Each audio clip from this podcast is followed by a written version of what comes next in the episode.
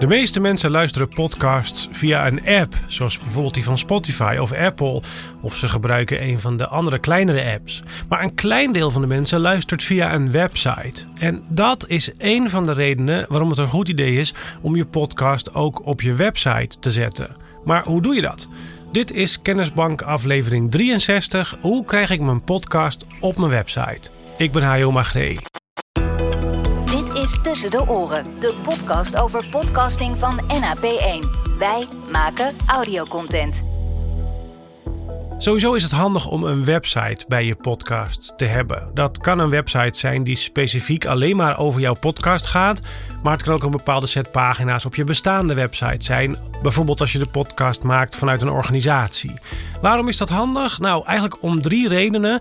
De eerste reden is dat het handig is om een plek te hebben om naar te verwijzen voor meer informatie. Uh, mondeling verwijzen bedoel ik dan in de podcast. En ja, daar heb je natuurlijk ook de show notes al voor.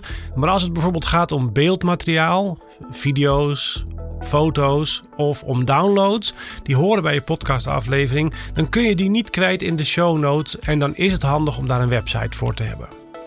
De tweede reden is vindbaarheid. Podcasts zijn over het algemeen nog wel iets minder goed vindbaar met zoekmachines dan webpagina's. En dus is het een heel goed idee om een website voor je podcast in te richten, waar mensen je podcast op kunnen vinden als ze zoeken via bijvoorbeeld Google. En als je dan een website hebt, dan is het ook wel logisch als je podcast dan ook direct op die pagina's te beluisteren is. En de derde reden is toegankelijkheid. Het wordt nog niet zo heel veel gedaan, maar het is eigenlijk een heel goed idee om je podcast ook helemaal te transcriberen. Zodat je een uitgeschreven versie hebt van alles wat er wordt gezegd.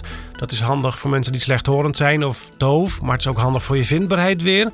als je podcast maakt voor de overheid, dan is het soms ook een vereiste dat je dit doet. En dat complete transcript, dat kan je meestal ook niet goed kwijt in de show notes. Dus het kan handig zijn als je dan een website hebt en dat je daar dan die complete transcriptie op neer kan zetten.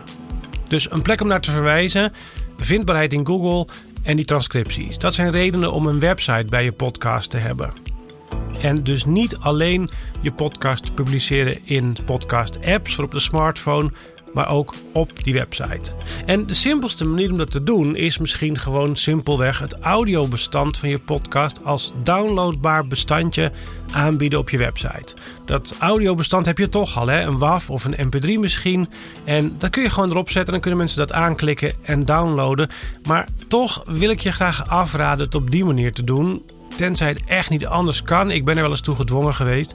Want als je namelijk dat bestandje als download aanbiedt, dan wordt eigenlijk niet goed bijgehouden hoe vaak mensen naar luisteren. En het is ook niet al te gebruiksvriendelijk. Hè? Als mensen dat bestand eerst moeten downloaden en dan nog weer een programmaatje moeten zoeken om het daadwerkelijk mee af te spelen. Dus wat je beter kunt doen is je podcast embedden, zoals dat heet. En dat heb je wel eens eerder gezien hoor. Met YouTube bijvoorbeeld. Dan maakt een YouTube-filmpje onderdeel uit van een willekeurige andere webpagina. Maar zodra je dan die video aanklikt, dan gaat die afspelen. Maar wat er dan achter de schermen gebeurt, is dat dat videomateriaal in feite van de servers van YouTube wordt afgespeeld. Je kijkt eigenlijk door een venstertje naar een stukje van YouTube.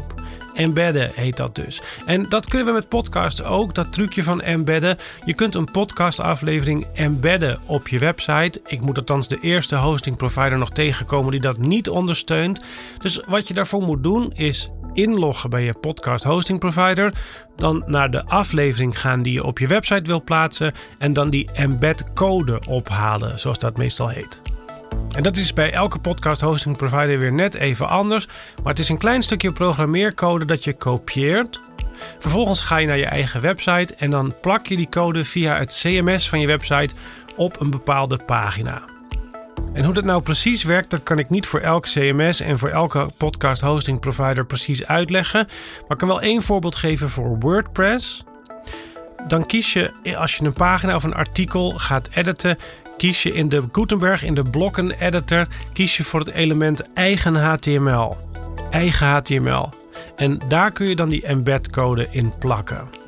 En nu we het toch over WordPress hebben, daar is er nog een iets simpelere manier. In plaats van dat je die embed code ophaalt bij je podcast hosting provider, werk je met Spotify en ga je de Spotify player embedden. En dat doe je door in de Spotify app de link naar die aflevering te kopiëren. Die zit verstopt onder de drie puntjes. Vervolgens ga je naar WordPress en kies je in die blokken-editor, die Gutenberg-editor, niet voor eigen HTML, maar voor het Spotify-element. En dan hoef je niet de hele embedcode te plakken, maar alleen die Spotify URL, de link naar de aflevering. En gebruik je nou niet WordPress, of wil je niet op Spotify leunen, dan moet je even gaan puzzelen hoe het in jouw specifieke CMS werkt. Maar het belangrijkste is dus om te onthouden dat je een podcast player het beste kunt embedden op je website, net zoals je dat met een YouTube video kunt doen. En het mooie daarvan is dus dat als iemand op play drukt en je podcast gaat luisteren, dat er een vinkje wordt gezet bij de beluisteringen, bij de statistieken van je podcast hosting provider. Dus wat er op je website gebeurt, telt dan mee in het aantal beluisteringen. Dat was het. Je kunt de informatie uit deze aflevering ook terugvinden in de podcast Kennisbank op onze website. Dit was Tussen de Oren van NAP1. Wij maken audiocontent. NAP1.nl